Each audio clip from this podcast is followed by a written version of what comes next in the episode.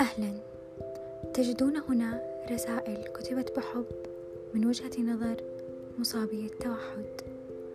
شارك في إعدادها أخصائية التوحد والإضطرابات السلوكية الأستاذة سلطان الزهراني. تقدمها لكم الأخصائية أثير الغامدي. نتمنى لكم الفائدة ودمتم بود.